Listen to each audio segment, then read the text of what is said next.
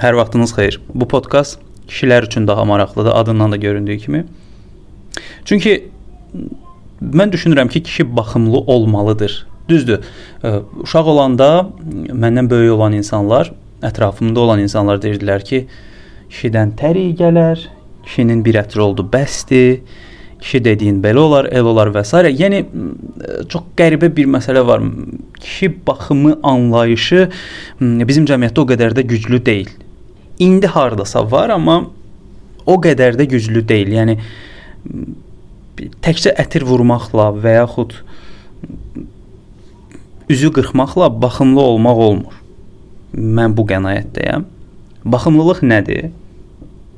Mən ə, e, çox kök olmuşam. Bununla bağlı bir videoda paylaşmışdım. 118 kilodan 84 kiloya düşmüşəm. İdmanla və qida ilə və düzgün rejim və yatmaqla. Güzgü baxanda baxırdım ki, orada nə gündəsən, nəsən?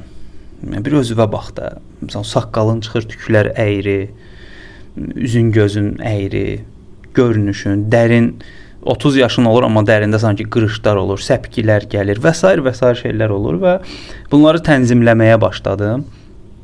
Və çox maraqlı bir şey deyim. Keçən dəfə bir status yazmışdım, linçləyirdilər məni. Yazırdım ki, yazmışdım ki, daha doğrusu sağlam, daha doğrusu ziyanlı yaşamaq sağlam yaşamaqdan daha bahalıdır. Çünki nə gəldi yeyirsən, ucuz-ucuz şeylər və bahalı ucuzluq məsələsi deyil, amma qiyməti ucuz olan amma dadı, dadlandırıcıları çox olan xüsusi məhsullar var. E, şokolad, peçenya və s. ki, hansı ki, onları hissə alıb yeyirsən, xəbərin yoxdur. O sən həm sənin pulunu aparır, həm də bir müddətdən sonra bədənini zəiflədir və sən həkimlərdə qalırsan. Və nəticədə də sıxıntılar yaranmağa başlayır. Və beləcə başa düşdüm ki, mən özümə baxmalıyam və baxımlılığı 4 hissəyə ayırıram mən. Bunun birincisi dəriyə qulluqdur.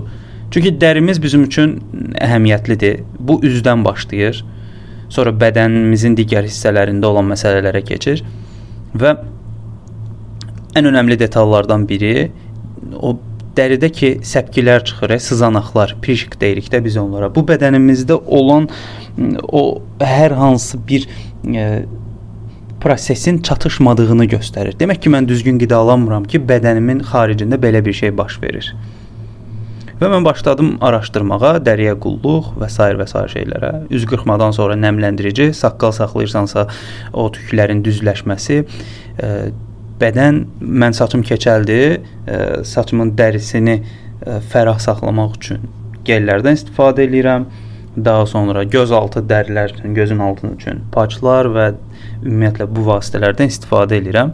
Arada bir anam deyir ki, bala, bu qədər şeyə niyə pul verirsən? İşin gücün yoxdur. Amma həqiqətən də mən misal üçün düz təbiətə qarşı getmək istəmirəm, amma mən istəyirəm gənc görünüm və mən qoca görsənmək istəmirəm. O şəkil paylaşmışdım. 3 il əvvəl mənə baxanda gömbul, belə buxağım çıxıb, day-daylara oxşuyuram. Amma indi deyirlər ki, sənin 30 yaşın var. Kənardan baxan 24-25 verir. Yəni məsələ nədir? Üz dərisinə ə, e, baxmaq ən önəmli məsələlərdən biridir bu. Və buna mütləq şəkildə diqqət etmək lazımdır. İkinci fiziki sağlamlığa bölürəm mən bu baxımlılığı. Fiziki sağlamlıq dedikdə söhbət aktiv hərəkət, bura idman da daxildir və digər aktiv hərəkətlər, yürüyüş, velosiped, gün ərzində hər hansı bir saat hərəkət eləmə və s. bir də qida məsələsi qida məsələsi dediyim şeydə doğru qidalanmaqdan gedir söhbət. Bununla bağlı ayrıca bir podkast paylaşacağam, bir dietoloqla danışacağam və doğru qidalanma necə olur, daha geniş müzakirə edəcəm. Mən məsəl üçün 100 üzərindən düşünürəm ki, 70% doğru qidalanıram, 30% amma ara-sıra ə, zərərli şeylərdən də istifadə edirəm. Çünki tamamilə 100% bunu həlak edə bilmirəm, amma çalışıram ki, bunu 80-ə 90-a qaldırım. Fiziki sağlamlıqda bu, yəni hərəkətsizlik insanı axmaq eləyir. Sən daim hərəkətdə olmalısan. Dayanmadan hərəkətdəyəm 2 ildir. Zaten mən əvvəllər idmanla məşğul olurdum. Hərbidə xüsusi təyinatlarda xidmət eləyirdim. Qayıdandan sonra zədə almışdım, biraz bədənim ağrıyırdı deyə hərəkətsizlikləşmişdim. Hərəkətsizləşmişdim deyə də bilmədim sözü. Hə, ondan sonra başa düşdüm ki, mən daim hərəkət etməliyəm və mən çəkimi qoruyub saxlamalıyam. Məsələ budur. Ona görə idman və qida paralel şəkildə getdikdə nəticə daha effektiv olur. Bir də burada işin yuxu tərəfi var, e, iş rejimin bölünməsi var və s. və s. şeylər var. Anlayıram, Azərbaycanda bunları etmək çətindir, amma mümkünsüz deyil. İstədikdən sonra yavaş-yavaş qaydasına qoymaq olur. Və üçüncüsü mən kişi baxımlılığını bölmüşəm mənəvi sağlamlığa. Söhbət burada psixoloji sağlamlıqdan, düşüncəmizdən, beynimizdə gedən psixoloji məsələlərdən gedir. Məsələn, e, psixoloqların qəbuluna düşmək və yaxud dəyərli bildiyiniz insanlarla müzakirələr aparmaq, işin fiziki yox, mənəvi görünməyən tərəfi ilə məşğul olmaq. Çünki mənəvi sağlamlıq, dərdimizi kimlənsə bölüşmək, danışmaq, müzakirə eləmək bu çox-çox önəmli məsələdir mən psixoloqa gedirəm, mən dəyərli bildiyim insanlarla söhbət eləyirəm, təlimlərdən sonra adam yüklənir axı və sən danışmalısan, kimlənsə müzakirə edib dərdini ona izah eləməlisən. Bir də bayaq unutdum, fiziki sağlamlığın içərisində həkim müayinəsi də dayanır. Mənəvi sağlamlığa da aid eləmək olar onu. Hansı ki, müayinələrdən keçmək, dişlərini yoxlatdırmaq, bədəninin digər hissələrini, analizlər vermək ki, bədəninin sağlam olduğunu görəsən. Çünki texnologiya inkişaf eləyir, hərəkətsizlik daha da artır. Azərbaycanda ümumiyyətlə hərəkətsizlik artmağa başlayır və bu da xəstəliklərə və digər narahatlıqlara səbəb ola bilər. Bu baxımdan ölüm yaşını da tezləşdirir. Kişi olaraq bizim cinsi tərəfimizə, sosial tərəfimizə təsir göstərməyə başlayır. Ona görə bu şeyləri nəzarətdə saxlamaq lazımdır deyə düşünürəm. Bax 3 hissə dəri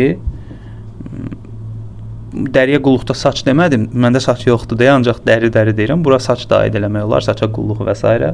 Fiziki sağlamlıq və mənəvi sağlamlıq. İki baxımı mənim üçün 3 hissədən ibarətdir və bunları hardasa bir 8 aydır davamlı eləyirəm və həqiqətən həyatım həm asanlaşır, həm rahatlaşır. Həm də mən minimalist bir həyata öyrəşdirirəm özümü.